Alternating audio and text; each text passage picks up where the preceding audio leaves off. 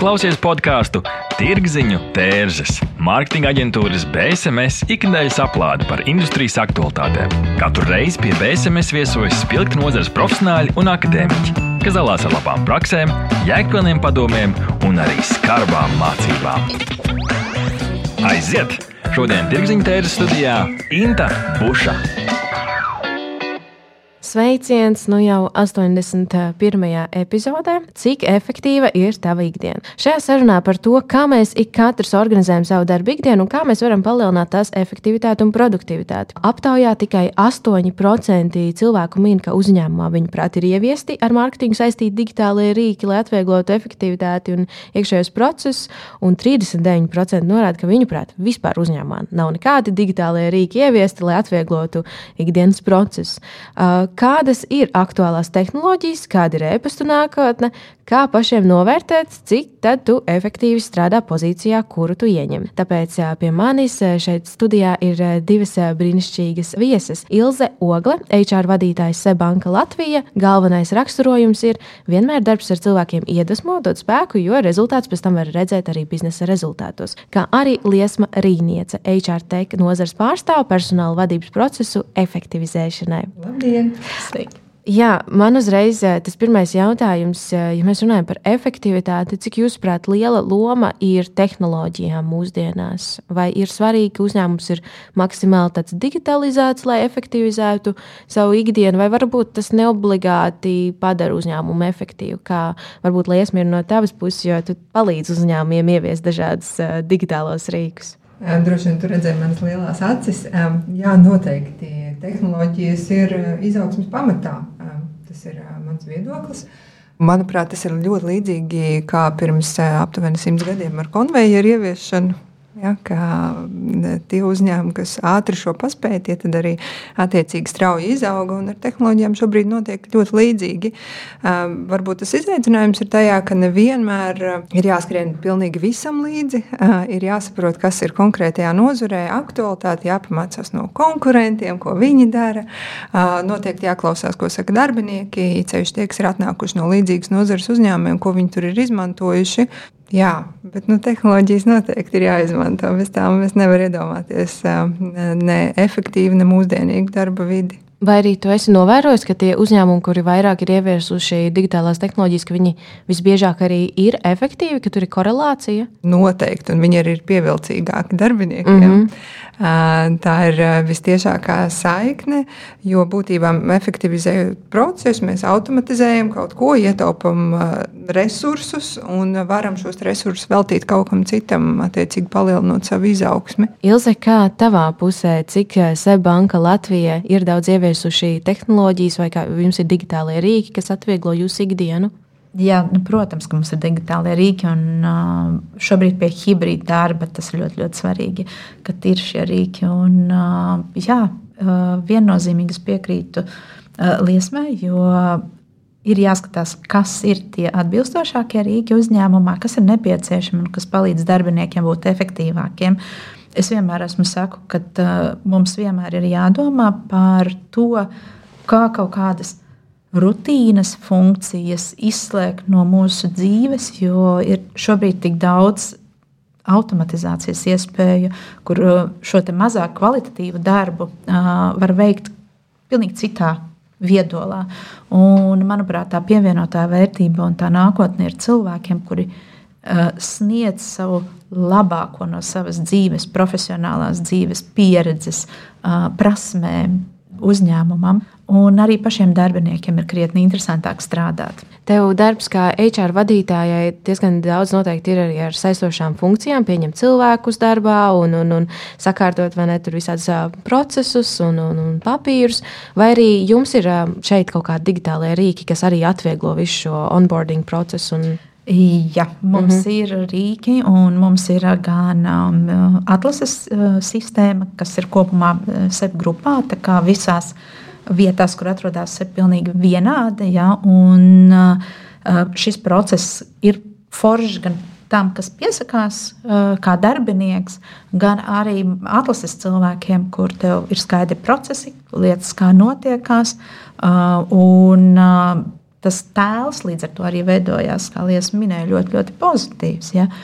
Es nevaru iedomāties, ja mums būtu nezinu, kaut kāds Excel Excels, nu, Excels būtu labi, bet būtu jāšķirsta, piemēram, ar roku CV ja, uz galda izdrukātiem. Nu, tas, protams, ka nē, šobrīd viss skaisti digitalizēts. Un... Es jau gribēju papildināt, ka būtisks iemesls, ka jebkuras tehnoloģijas ieviešanai ir arī nu, likumisko normatīvu ievērošana, Jā. kā ar atlastas vispārējā datu aizsardzības regulu par, par kandidātu datiem. Un, man tiešām ļoti interesanti liekas, kā uzņēmumi, kuriem nav šādu risinājumu, kā viņi tiešām kvalitatīvi ir spējīgi ievērot šo regulu. Kā jūs vispār vērtējat, jo tajā brīdī, kad jūs, piemēram, ilgsties sev bankā un, un, un tev ir ļoti daudz droši digitālu rīku, nāk arī no starptautiskās grupas, kā jūs vērtējat vispār Latvijā attīstību šajos jautājumos? Cik daudzi uzņēmumi ir ieviesuši šādus rīkus, kā pieņemsim jums? Nu, tur, kur Manā iepriekšējā pieredzē, es arī iepriekšējos uzņēmumos esmu ieviesusi rīkus, kas tiešām palīdz.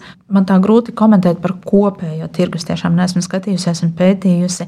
Bet, manuprāt, ir tādi, kur joprojām strādā ar vecajām metodēm, kur joprojām turpina to darīt. Tad ir jautājums nu, noteikti no uzņēmuma lieluma, no, mm -hmm. no atlases, cik daudz tātad eh, nepieciešams atlasīt mēnesī, gada laikā darbiniekus. Ja nezinu, 5, 10 vakances, tad visdrīzāk ir jāskatās, kā to efektīvāk izdarīt. Bet, ja tā atlase ir nu, viena no pamatfunkcijām, un, un tas uzņēmuma lielums ir pietiekami liels, tad noteikti digitalizācija. Jā, mēs jau esam pieskārušies tam jautājumam par to, ka pirmkārt ir likumiskie, tas GDPR, pieņemsim, atlases procesā. To arī Ilza minēja, ka pašam darbiniekam ir interesanti, vērtīgi, un viņš ir informēts un jūtas tā kā, nu, ka uzņēmums arī viņam dalās ar šo informāciju, tad viņam nav nekādu ekstra jautājumu, kas arī uzreiz man liek domāt, ka tas efektivizē procesu tādā ziņā, ka nav jāinformē vai pieņemsim papildus jāatbild kādiem jautājumiem, ja viss jau ir sistēmā vai ir nākošie soļi skaidri. Nu, tā kā nav vajadzīgs papildus cilvēks, kas atbild tur e-pastā, jā, rekur tur nākamajā dienā tev būs tas un tas tagad jāmācās. Tā ir. Tā ir. Nu, un es gribētu teikt, ka nu, tas cilvēks tāpat ir nepieciešams. Jā, jo gan intervijas, sarunāt, piezvanīt kandidātiem, atteikt kandidātiem. Ir kaut kur, kur ir automātiskā atbilde, kur jā, jā, ir ēpasts un paldies par piedalīšanos, bet ir kur tiešām ir jāpiezvan un ar cilvēku ir jāizrunājas un jāpasaka. Un noteikti tā prioritāte ir iekšējie kandidāti, ja, kas ir mūsējie cilvēki un ne tikai, protams, arī uz ārpusi. Es esmu piedzīvojusi pati, kur nu, paziņas saku, es nosūtīju CV, un man neviens pilnīgi nav atbildējis. Tepat Latvijā. Ja, tā kā ļoti dažāda šī pieredze ir. Un, manuprāt, viņai ir jābūt ļoti labai. Un vēl es gribu papildināt savukārt no jūsu viedokļa, kā organizācijas, kad ir ieviests šāds risinājums, ir daudz vieglāk nodrošināt pēctecību. Teiksim, ja šis te, mm, personāla speciālists, kurš strādā ar atlasi, nu, dodas pēkšņā prombūtnē, tad, ja ir sistēma, tad kādam citam kolēģim ir ļoti viegli aizvietot, jo var redzēt visu, kas ir noticis ar kandidātu, kādā ir. Nav jā, jārada mākslīgi piekļuve šiem CV caur e-pastu vai kaut kā savādāk. Dažādi ieguvumi. Viennozīmīgi, jā. Īsnībā, tad, kad mēs par šo uh, liesmu ar tevi tikāmies, un arī vēl pāris citiem kolēģiem Rīga kom, uh, konferencē, tad viens no jautājumiem, uh, tas, ko es arī sākumā minēju, tad uh, cik uh, cilvēkiem, nu, kā viņiem vispār liekas, uzņēmumi, kuros viņi strādā, ir ieviesuši digitālos rīkus, lai efektivizētu procesu. Un uh, ir, nu, liela daļa cilvēku, kuri domā, ka viņiem vispār nekā nav ieviests.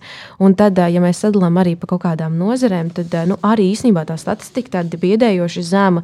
Tad 40% saka, ka viņiem nav nekas, un tad 30% saka, ir grāmatvedībai, kaut kādas ir grāmatvedības sistēmas, tad 25% saka, iekšējā komunikācija, tad ir atskaites, tad ir process, tad ir 17% HR, ražošana, pārdošana, klientu vadība, 8% mārketingam. Nu, tā diezgan maz vispār ieviesti digitālie rīki. Ko jūs redzat, kādi tagad eh, varbūt ir trendīgi rīki, kas tiek ieviesti, vai varbūt eh, par ko jūs atkal esat interesējušies pēdējā laikā? Kas tad ir aktuāls, ja mēs runājam par tādu efektivizāciju uzņēmumā? Ko tad ieviest? Noteikti man gribētos ieviest eh, noteikti HR statistiku, jeb datu analītikas rīkus. Nu, tas varētu būt viens no nākotnes sapņiem. Mēs ejam uz to, bet, protams, vēl ceļš ir ejams, kad Nezinu, tu redzi, atverot no rīta savu HR programmu, tu redzi uzreiz, nezinu, cik vakances tev ir jāizpilda, mm -hmm. cik tev ir kopumā darbinieki, kā viņi izskatās, kāds ir šis atalgojums, cik tev ir proporcija vīrieši, sievietes, nezinu, izglītība. Kā vadītājam man ir rīks par maniem darbiniekiem, gan par attīstības lietām, nezinu Eh, kas tev tālāk ir jāmācās, kāda tev ir izaugsme nepieciešama, kāda tava karjera nākamā veidojās, kad šis mākslīgais intelekts palīdz jau veidot šo datu analīzi. Un, eh, un tev kā vadītājam, tu Protams, tev ir jāprot strādāt ar šiem datiem. Tā ir tā nākamā jautājums, tā uh, datu pratība, jeb analītiskā pratība, kā, to, kā šo informāciju izmantot. Bet tev ir kaut kas, uz ko tu vari paskatīties. Pašreiz tas tiek darīts manuāli. Daļēji manuāli ir kaut mm -hmm. kādas lietas, kur mums noteikti ir atskaites, un kur mēs varam redzēt statistiku un datus, bet ir kaut kādas šobrīd, jā, kas vēl joprojām ir manuāli. Kur var, nu, varbūt tās ne manuāli, bet jāsaliek vairākas atskaites kopā, kas nav vienā bildē. Ko, ko uzņēmumi var palīdzēt darbiniekiem un kādus procesus ieviest, lai darbinieku ikdiena būtu efektīvāka? Ja mēs runājam par HR, Ilstu jau skāra šo atlases procesu sistēmu, kur tad darbinieks var redzēt, kas notiek, cik tālu bet noteikti ir vēl kaut kas, un jā, kā palīdzēt darbiniekam būt efektīvākam. Es uzskatu, ka jebkuras tehnoloģijas ieviešana un tā veiksme ir atkarīga no konkrētās organizācijas vadības. Tad var ieviest vislabāko pasaules risinājumu, taču vadība ir tie, kas rāda priekšzīmju, kā mēs viņu izmantojam, kas ir tās reizes, kad mēs, piemēram, komunicējam caur šo rīku, kad ir kaut kas cits. Es vēl bišķiņi atgriezīšos pie iepriekšējā jautājuma par to, kas šobrīd notiek, pirms par to, ko darbiniekiem kā viņiem izskaidrot, vai, vai kā, kā motivēt kaut ko izmantot. Man liekas, tā situācija šobrīd ir, ka īstenībā absolūtam vairumam uzņēmumu ir kaut kādi risinājumi, taču lielākoties tie ir nevis mūsdienīgi risinājumi, bet teiksim, datu uzskaites risinājumi. Mm -hmm. Piemēram, noteikti visiem ir kaut kas grāmatvedībai, kur papildus var nākt noliktava, ražošana, un tas ir tāds, kur mēs skaitām datus, lai pēc tam tur gada beigās sataisītu savu bilanci. Un tas mūsdienīgais veids, veids ir tomēr šīs interaktīvās sistēmas, piemēram, tai pašai klientu vadībai, mārketingam noteikti, ja, kur mēs varam gan ar saviem klientiem strādāt, gan sūtīt viņiem paziņojumus automātiskus par jaunumiem, kur arī mums, kā darbiniekiem, ir iespēja klientu vadības sistēmā kā dokumentēt, kāds ir status, un, un arī, lai nodrošinātu to pēctecību, lai arī pārdošanas cilvēku var aizvietot gadījumā, ja viņš ir pēkšņi kaut kādā prombūtnē. Nu, mārketingā, es domāju, tu zini daudz labāk par mani, kādi ir dažādi risinājumi un cik ļoti viņi ir vajadzīgi, cik ļoti noderīgi. Es vispār iedomāties nevaru, kā šobrīd modernu mārketingu organizē bez kaut kādiem risinājumiem. Tāpēc man šī statistika liekas tā, ka droši vien cilvēki vienkārši nezina. Un tāpēc atbildot uz nākamo jautājumu, ko darīt, kā palīdzēt kolēģiem izprast, ir vadības priekšzīme par to, ka mēs arī stāstām, ko mēs esam ieviesuši, kāpēc. Un ideālā variantā tā jau būtu arī tāda tā lielā bilde, ka tas nav viens atsevišķs risinājums, ko mēs esam ieviesuši, bet re, kur mēs strādājam kopā kopumā ar savu nākotnes ilgspējas nodrošināšanu. Mums ir IT infrastruktūra, mēs tur nezinu, datu noliktavu veidojam. Mm -hmm. un, kad, nu, ja mēs visu dokumentēsim šeit, tad nākotnē mēs varēsim darīt vēl kaut ko labāku. Piemēram, HR analītiku. Ja? Nu, droši vien, ja nav kaut kādi risinājumi šobrīd, nu, HR analītika ir tikai sapnis, ja nav kur dokumentēt esošos datus. Man liekas, ļoti svarīgi ir tāda apzināta arī pieeja šiem procesiem un saprast, kas ir tie Nu, teiksim, funkcijas, kas mums uzņēmumā pieņemsim, paņems vairāko laiku un noēda arī darbinieku enerģiju. Jo, teiksim, ir kaut kādas lietas, kuras var darīt, un tas nu, tur, nezinu, ļoti vērtīgi. Tur ir kaut kāds superintelektuālais, radošais pienesums, un tad ir tādas funkcijas, ko mēs jau sākumā vienojamies, kas ir automatizējams, kuras ir at, ar atkārtojamības to. Um, nu, jā, un tad ko un kā mēs varam darīt, lai izvairītos no tā, ko mēs katru reizi pārkopējam vai pārakstam vai manuāli manuāli ievadam vai apkopojam datus un tā tālāk. Jā, mums arī uzņēmumā mēs ik pa laikam par šo domājam, un um, mēs esam arī ieviesuši tādu vienu laiku uzskaites rīku, kas mums palīdz uh, kā, skatīties, uh, kādas aplikācijas katrs izmanto, kur pavada laiku. Un, uh, es ik pa laikam ar katru mēnesi kā darbinieku katru izēju cauri un skatos, o, oh, re, kur ir pieņemsim šāda aplikācija. Tas uh, ir tāds triggeris, ka varbūt ļoti daudz laika tiek izmantots meklējot failus. Kā mēs varam efektivizēt šo procesu, lai mums nepavadītu divas stundas meklējot failus? Nu, tā tad uzreiz vai mums tur vajag kaut kāds shortcuts taisīt, vai pārkārtot, nezinu, sistēmu vai vienalga. Un uh, arī jā, tas uh, vienkārši veids, kā tad uzzināt, ko efektivizēt. Tas ir tas bieži, es domāju, jautājums arī uzņēmumiem, vai ne? Kā, ar ko sākt? Un tas arī ir klupšanas akmens. Droši vien mm. mēs nezinām, ar ko sākt. Mm. Nav droši vien viens cilvēks, kurš pateiks, re, kur būs pareizi, ja jūs darīsiet tā vai šādi. Ilze, kā tev šķiet? Noteikti jā, ka uh, uzreiz ir grūti norientēties. Uh, kuri procesi ir uzlabojami. To, ko mēs esam darījuši, es esmu darbiniekiem prasījusi pavērot savu darba dienu, un kas ir tās darbības, kas atkārtojas. Nu, ja tu nezini, simts reizes dienā dari vienu un to pašu darbību, tad visdrīzāk, un tas tevi kaitina vēl, piemēram, ja, tu saproti, ka tu to negribi darīt vēl nākamos piecus gadus, tad tā ir vieta, kur skatīties lietas efektivizēt. Nu, noteikti ir arī kaut kādas sistēmas, kuras jau šobrīd strādā, un nu, mums arī ir. Un, īstenībā divas nedēļas atpakaļ mēs ar manām, manām kolēģiem, kas ir HR speciālisti un HR administrācijas sadaļā, mēs uh, gājām cauri vienam procesam, kur mēģinājām atrast, kas ir tās lietas, ko mēs tiešām varam efektivizēt.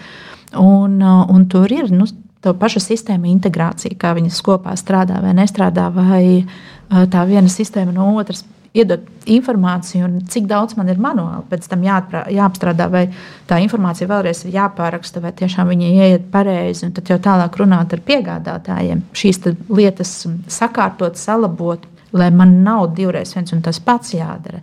Nu, piemēram, ja, nu, nezinu, vēl ir ļoti daudz dažādi varianti, kā mēs varam skatīties uz tām lietām. Nu, ļoti bieži ir jautājums arī par jautājumu un atbildžu sadaļu. Nu, man zvana cilvēki un nu, jautājums, cik vienu un to pašu jautājumu nu, kolēģi man uzdod. Laika periodā, tad noteikti tur ir iespēja paskatīties, vai man vajag uzrakstīt atbildi, vai man vajag uzlabot procesu, uh, vai man ir vēl kaut kādas lietas jāizdara. Nu, vēl viena lieta, kur var skatīties, noteikti ir kaut kādas sūdzības. Ja? Un uh, parasti liekas, o, man tur pasūdzēs no klients vai, vai kolēģis par kaut kādām lietām, kas nestrādā. Es šo rekomendētu, kā paskatīties uz kaut kādām procesu uzlabojuma lietām un efektivitātes lietām. Tiešām paskatīties kā uz ieguvumu, jo visdrīzāk tur ir arī kaut kādas lietas, ko mēs varam pilnveidot un uzlabot. Tu minēji, ka uzdevi kolēģiem pāanalizēt, kas ir darbības, ko, kas viņiem atkārtojas ikdienā, vai tev bija varbūt saskāries tāda situācija, vai varbūt ko darīt. Ja vadītājs saskars ar situāciju, ka darbinieks pasakā, nekas neatkārtojas, man, es neko nevaru automatizēt, man uh, ir super sarežģīts darbs, viss ir itīgi unikāli, katra lieta ir kaut kas pilnīgi atšķirīgs. Ko darīt tādā situācijā? Rādīt darbiniekiem to pievienoto vērtību. Nevis nu, pateikt, nu, tagad sēdi un skaiti, ja, vai kāpēc mēs to darām. Jo vienmēr ir jēga. Lietām ir jāpiešķir jēga arī no darbinieka perspektīvas. Kas ilgtermiņā būs viņa iegūmi? Nu, piemēram, viņš būs kompetentāks, viņa varēs būt sarežģītāki uzdevumi vai attīstība pilnīgi citā virzienā. Nu, rādīt to komplektu, jo, protams, ja mēs sēžam un vienkārši ok, efektivizējam visu, nu, darbiniekam kādreiz radās, radās šaubas un bažas par to, ka vai es būšu vajadzīgs pēc tā gada. Ja? Nu, paskatīties arī no tā darbinieka perspektīvas puses un mēģināt atrast to, to kopējo nu, darbības lauku, nu, kas, kas mums no šī procesa, kādi mums ir iegūmi. Gan man kā darbiniekam, gan man kā vadītājam, gan kā komandai. Šeit noteikti ir vadītāja arī uzdevums un spēja iedvesmot un pārliecināt un radīt to vīziju. Tad tiešām par tiem iegūmiem un ko, ko un kā tas izskatīsies katram pašam darbiniekam arī. Manem? Jā, nu, nu viennozīmīgi es domāju, ka komunikācija, komunikācija un, un, un patiešām atrast tās kopējās lietas, ko var pilnveidot. Lai nav tā, ka tas, tās bailes, tā kā o, roboti mūs aizstās, un līdzīgi kā automatizācija man aizstās, ja mēs te visu digitalizēsim, ka ir tā pretošanās varbūt pilnīgi nevajadzīga. Bet viņi ir ļoti reāli. Tu ar to saskaries es, bieži. Es esmu saskārusies ar to, ka vadītājs pasaka attiecībā uz rēķinu apstrādes robotu, ka nu, tas apjoms ir tāds, nu, labāk, lai man tur tā meitene, kura pie mums strādā 15 gadus, lai viņa turpina. A kāda ir viņa motivācija parasti? Nu, tomēr cilvēks var piezvanīt un pateikt, klausies, tur to rēķinu. Es nezinu, vai nu pabīdi ātrāk, vai tur nezinu, noliet kaudzītas virspusē. Nu, ir šī, kā lai to pasaka, es pat nezinu, kā to izskaidrot, bet uh, ir vadītāji, kuriem liekas, ka nu, viss ir kārtībā ar to. Mums nevajag to robotu, kurš automātiski nolasīs rēķinu numuru, datumu, apmaksas termiņu un visu izdarīs pats, kas, eh, manuprāt, šobrīd ir tāda pamatlieta vispār grāmatā. Kā ar šādiem cilvēkiem strādāt? Vai tu ar viņiem turpini strādāt, vai tu mēģini viņus pārliecināt un parādīt tos iegūmus no, no šī, vai, vai, tu, vai tev ir tāds, nē, nu nav jēgas? Tas ir eh, no manas pārdošanas pieredzes. Mm -hmm. ne, nav jēga strādāt ar šādiem yeah. klientiem. Nu, ļoti grūti. Ļoti grūti. Viņi nav gatavi arī mainīt uzskatus. Ne. Nu, iespējams, ja šī meitene, kas apstrādā rēķinus, tur uh, saslims uz pāris mēnešiem, tad tur kāds tur strādās virsstundas viņas vietā un kavēsies apmaksas kaut kādas, varbūt tādas. Un kas ir raksturīgs šādiem vadītājiem vai uzņēmumiem? Pirms Covid, es domāju, šādiem uzņēmumiem bija raksturīgi arī nepieejams attālinātais darbs. Mm, savā ziņā mm -hmm. iespējams arī grūtības pārslēgties uz attālināto darbu, uzticības problēmas. Jo liekas, ka cilvēks strādā tikai tad, ja viņš ir birojā. Tāda sava veida kaut kāda vēlme kontrolēt. Cilvēkus. Bet tas ir arī lieliem uzņēmumiem vai vairāk maziem? Nu, ko mēs uzskatām par lielu? Latvijā jau vispār īsti lielu uzņēmumu. Nu, jā, vidēji. Jā, nu, mm -hmm. jā vide, es domāju, pat vidējiem uzņēmumiem. Mm. Jā. Šis īstenībā ir pārsteidzoši nedaudz. Nu, nē, nu, tā ir realitāte. Organizācijas ir ļoti dažādas un vienkārši tas, kas viņiem šobrīd ir jāsaprot, vienalga, kādas ir viņu darba metodas, kā darbinieks jau ir tas, kurš pateiks ar savu um, rīcību, vai viņš grib strādāt tādā vai nē. Un droši vien grūtāk būs ilgtermiņā dabūt savu formu foršus talantus, kas tur gribēja strādāt, sevišķi no jauniešu vidas. Nu, es piekrītu pilnībā. Man liekas, ka tāds - es saprotu vadītāju. Savā ziņā, jo viņš noteikti domā par šo cilvēku, kurš arī Jā. nu, viņam būtu darba attiecības, Jā. bet no otras puses man liekas, ka pie šī darba spēka vai darbinieku trū, talantu trūkuma tirgu to meiteni noteikti varētu izmantot, vai nevis izmantot, bet noteikti pielietojums meitenei būtu vairāk nepieciešams kādā citā jomā, un varbūt meitene arī pati to gribētu. Nevis katru dienu bakstīt rēķinus. Ja. Tā noteikti ir kaut kāda arī nevēlēšanās mainīties, un tad šajā kontekstā mēs pēc īsā mirkļa arī turpināsim runāt par e-pastu kultūru. Neatbildami jautājumi, sarežģīti lēmumi. Sazinies ar Norstat. Mēs palīdzēsim. Norstat. Tas ir draudzīgs servis, innovatīvi risinājumi un kvalitatīvi dati, lai tu varētu pieņemt veiksmīgus, datos balstītus lēmumus. Pievienojies vairāk nekā simts Latvijas uzņēmumiem, kas uzticas vadošajam datu risinājumu nodrošinātājam Ziemeļeiropā. Mūsu mērķis ir atvieglot tavu dzīvi un ļaut pieņemt pareizus lēmumus. Norstat - vērtīgi dati svarīgiem lēmumiem. www.norstat LV BSMS - tas ir zīmola pārdošanas un mārketinga atbalsts, stratēģijas, satura un menedžmenta pieredze kopš 1999. gada. BSMS nodrošina radošas, tradicionālas un digitālās pārdošanas veicināšanas kampaņas un konsultācijas. Apmeklē mūsu mājaslapu www.bsmslv un uzzini vairāk! Thank you. Es nesen izlasīju grāmatu, ko sarakstījis Kāla Newports, A World Without Email, jeb Pasaule bez ēpastiem. Un šajā kontekstā, jā, nu, ļoti interesanti grāmata vispār tiem, kas, kas ikdienā daudz raksta ēpastus vai daudz saņem ēpastus. Un, un tad viņš runā par to, ka cik ļoti daudz laika mums aiziet un enerģijas ēpastos, un ka bieži tas nav jēgpilns veids, kā strādāt. Tad viņš tur arī analizē, protams, ar dažādiem pētījumiem un, un pierādījumiem, pamato arī savu viedokli. Ļoti interesanti grāmata, noteikti iesaku izlasīt. Bet mans jautājums jums ir, kāda jūsuprāt ir nākotnē e-pastiem un vai ir? Un kā vispār komunicēt vislabākajā veidā? Manuprāt, šobrīd komunicēšanai mums ir tik ļoti daudz rīku, kur mēs komunicējam savā starpā. Nezinu, zūmē, mēs tīmī, ātrās saziņas, telefoni, WhatsApp, e-pasti un vēl kādas citas komunikācijas plat, platformas, jammeri, Facebook, slēgtās grupas. Nu, es domāju, ka dažādi kanāli, kas mums ir iespējami un, un kur mēs varam sasniegt uh, kolēģus. Manuprāt, to, ko vajadzētu izdarīt, nodefinēt, kurā kanālā kāda komunikācija iet un par to vienoties.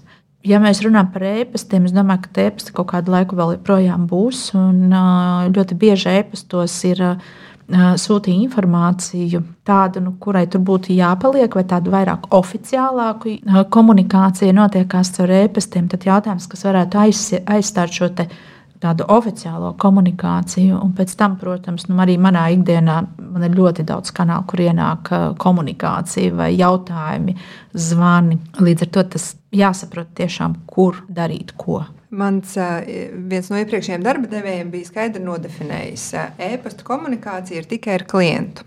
Iekšējos jautājumos mēs komunicējam sākumā Skype, pēc tam tīmos. Pārējie no Skype uz tīmiem arī notika tā, ka vienā dienā mums ir tīms, vadītājs pasakīja, jūs man rakstīsiet Skype, es jums neatbildēšu. Nu, līdz ar to tā pārējai notiek ļoti strauji ar savu piemēru, kas, manuprāt, ir pareizi un iespējams pie noteikta izmēra organizācijas. Tātad par e-pastiem, jā, nu, Es neesmu e-pasta cilvēks vispār, un tas ir viens no lēnākajiem komunikācijas kanāliem.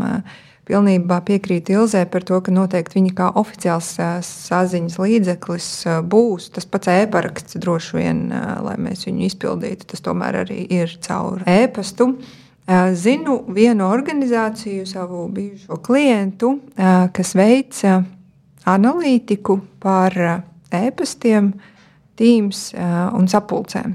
Dati, kur darbinieki pavada, cik daudz laika viņi pavada mm, sapulcēs, mm -hmm. cik viņiem ir sarunas, kas notiek tīmos, un kas ir tas, kas notiek e-pastos, ar mērķi tieši lai tad, nu, virzītu efektīvā virzienā. Galvenā sāpe jau bija nevis e-pasti vai, vai tīms saraksts, bet laiks, ko cilvēki pavada sapulcēs. Bet es domāju, tas, ko mēs pavadām lasot e-pastus, viņš ir ļoti, ļoti tuvu līdzīgs.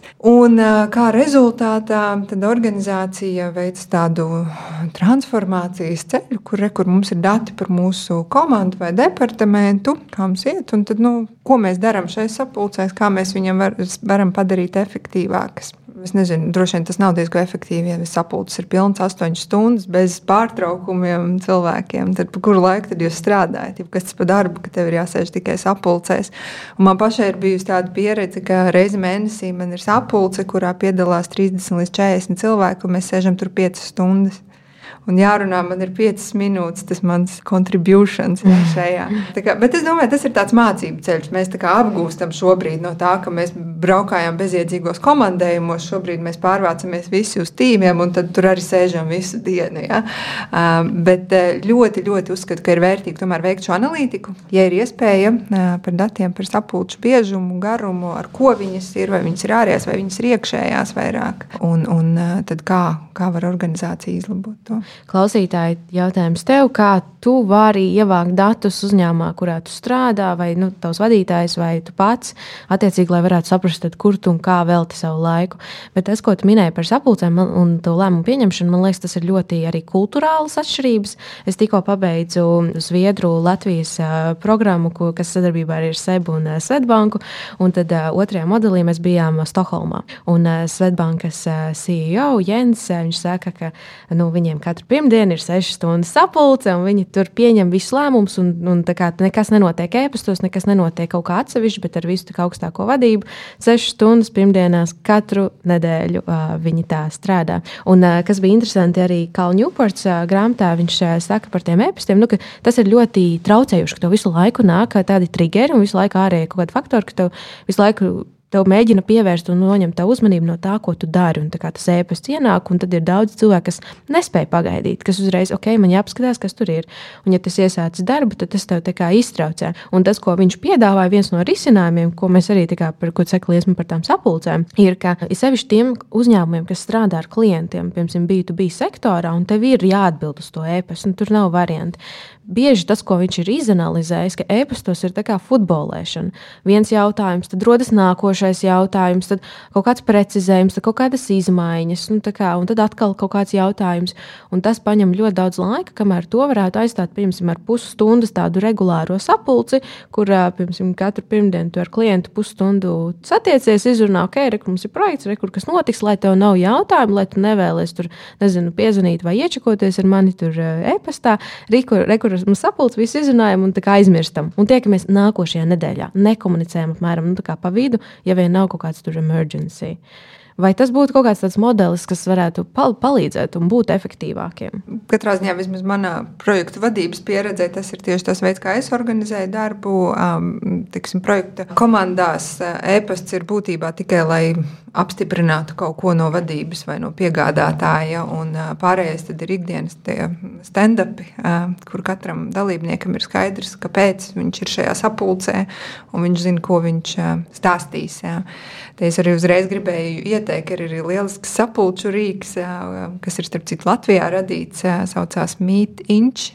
Mm. Ļoti, ļoti palīdz struktūrēt sapulces un arī pašam uzņemties atbildību par to, ka es šajā sapulcē kontribūtēju un pats dokumentēju, ko, par ko tad es esmu runājis. Pastāst vairāk par šo rīku, nebija dzirdējusi. Ja es ar pirmo reizi dzirdēju. Mīt Inc.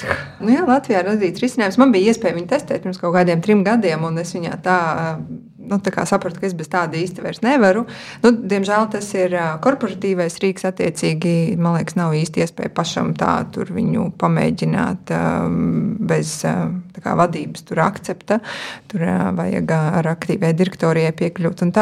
Bet tiešām, tiešām superīgs, jo viņš tur tiek izveidoti uzdevumi, par ko mēs sarunājam, vienojamies, ko mēs kādos termiņos izdarām. Sākas nākamā sapulce, un viņš pats ir augšā jau salicis tos uzdevumus un status, un katram ir pieeja pieeja, kur es varu kā, starp sapulcēm, ja es esmu to izdarījis, es atzīmēju, un mums ir nākamā sapulce, tur jau tas ir redzams. Man ļoti, ļoti patika. Arī tāds efektivizēšanas rīks ļoti interesanti. Un tad uh, mēs jau lēnām arī finišējam uh, mūsu sarunu.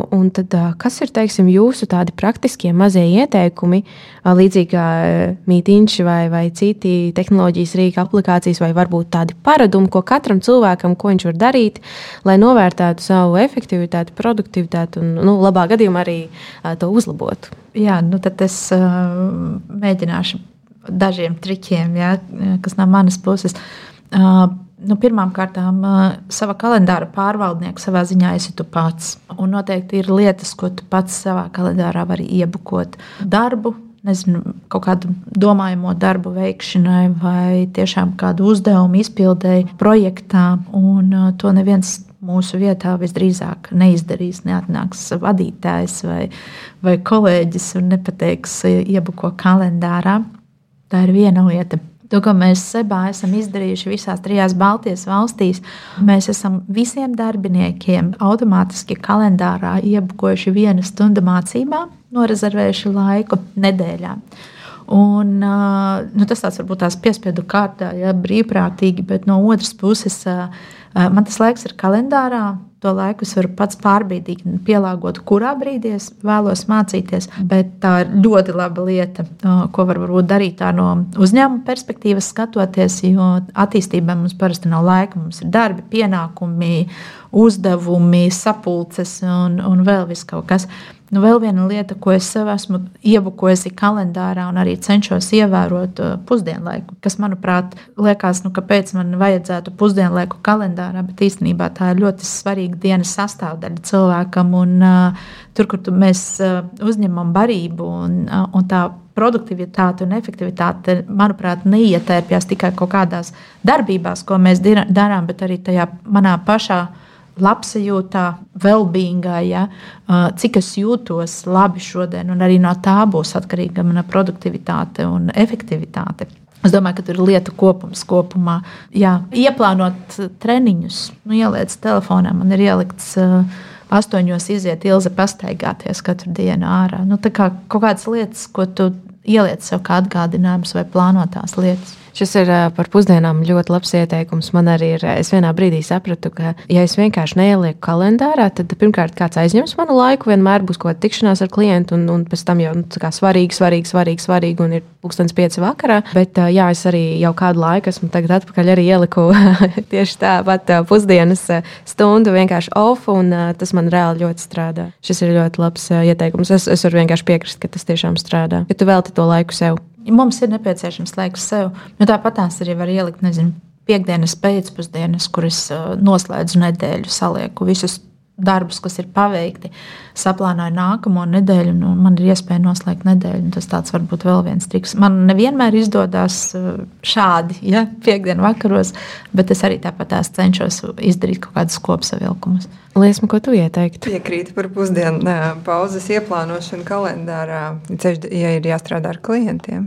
Manas pieredzes, tas, ko es gribētu ieteikt citiem, ir pazīt sevi, zināt, kas ir tas, kas teiksim, man tieši palīdz būt produktīvākam, kas varbūt tur kaut kādos brīžos novērš manu uzmanību. Un, pilnībā piekrītu Ilzai par kal savu kalendāru pārzināšanu, un tad attiecīgi pirmkārt izmantot kalendāru. Ja? Bet tad to dienu plānot, pazīstot sevi. Man noteikti radošākās un efektīvākās stundas ir no rīta, no 9 līdz 12. Tās ir manas trīs maģiskās stundas, kurās es varu izdarīt nu, vissarežģītākos darbus. Attiecīgi, es zinu, ka tajā laikā es droši vien neplānošu tikšanās ar klientiem, nu, izņemot, ja tā nav pārdošana, kur man kādam ir jānospridzina kaut kas. Tad to droši vien labāk no rīta. E-pastus droši vien arī no paša rīta nelasīšu viņiem, pēcpusdienā, kad man mazāk enerģija ir nekā sevis pārzināšana. Bet otra lieta, kas man ir pašai personīgi ārkārtīgi svarīga, ir vispār zināt savus mērķus. Tas, ko Ilza teica, veltīt laiku, izdomāt, ko es darīšu nākamajā nedēļā, un tad vispār saprast, kas ir tas, kas man ir jāizdara šomēnes, pusgada laikā, un tad kā es to sadalu kaut kādos mazākos solīšos. Jo man atkal pazīt sevi, man, piemēram, ir svarīgi identificēt savas mazās uzvaras, kā rekur, es esmu šito izdarījusi un sasniegusi, un tāpēc man vajag to savu lielo uzdevumu saskaldīt mazākos. Nu, protams, tad eh, tehnoloģijas m, mm, paralēli uh, atkal pazīstot sevi, vai uh, es varu vispār strādāt darbu, kur man īsti nav tehnoloģijas, kur ir savā ziņā bardaks ar to, ka tad mēs sūtām ēpastus, tad mēs vispār privāti WhatsAppā, tad tur kāds izmanto Facebook Messengeri. Mani, piemēram, tas ļoti mm, uztrauc, un es īsti nevaru pilnvērtīgi strādāt tā, nu, tādā veidā. Man patīk, tomēr, ka mēs nodalām, kas ir darba, kas ir privātās vietnes, kur mēs komunicējam. Tā kā arī tomēr spēt sevi to uh, atpazīt, ka, piemēram, šī ir lieta, kas man varbūt nevisai patīk, bet ir cilvēki, kuriem Tas ir uh, fini. Nu, lūk, un tad no rīkiem šis pats mītīņš priekš sapulcēm, ceļu projektu vadītājiem ļoti iesaku no sirds izmēģināt. Uh, tiešām, tiešām priekš ceļu priekš atkārtojošajām sapulcēm ļoti labi. Tad es pati kā procesu analīzē izmantoju tādu lucidu čārtu Jo es īsti neesmu biznesa analītiķis, man nevajag speciālos rīkus, bet tā ir tāda vienkāršota versija, kur var zīmēt šos procesus un identificēt, kas kurā notiek un izmainīt. Un tad priekš šo uzdevumu dokumentēšanas es tajā pašā Microsoftā izmantoju tasks, kur man tīri, jo es esmu vizuālis, man vajag redzēt. man vajag pierakstīt un arī redzēt. Un tad es varu salikt sev uzdevumus un saviem komandas cilvēkiem salikt uzdevumus. Tad vienkārši man patīk, ka tas burbulīts pildās ar ar procentiņiem, cik tu esi izdarījis, vai ir tieši parāda, hei, šeit ir sarkans. Te, te, tas vēl tādu gandarījumu dod. Un arī gandarījumu, vai arī tieši šo trauksmes sajūtu, eus šito esmu palaidis -hmm. garām. Bet jāpazīst sevi, lai zinātu, ka man šīs vispār palīdzēs. Jo ir cilvēki, kuriem viņi skatās uz tiem čārtiem un viņiem tā kā Jā, jā, tas ir viennozīmīgi. Tas, ko es arī ļoti redzu, ir nebūt autopilotā vienkārši un apzināti pieiet procesiem.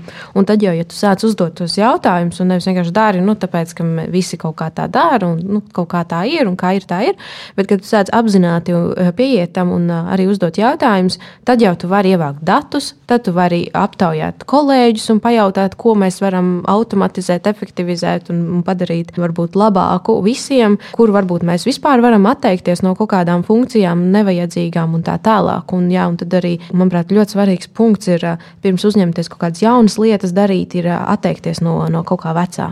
Atteikties arī no saviem sliktiem paradumiem, kas ir un ko labi zina daudzi, ka jāpieņemsim, nav viņi kalendāra īpašnieki. Pieņemsim vienu no tādām ļoti, manuprāt, biznesa aktuālām lietām, ka visi citi atbild par tavu kalendāru, bet tu pats neuzņemies to atbildību. Tad, tad tev ir katastrofa tajā kalendārā, un tu mēģini skriet un darīt. Bet, jā, liels jums paldies par šo sarunu. Es ceru, ka klausītājiem noteikti bija vismaz pāris atziņas, tad, kā viņi var efektivizēt savu ikdienu, un viņi paši var arī atbildēt uz to jautājumu, tad, cik efektīva ir mana darba ikdiena.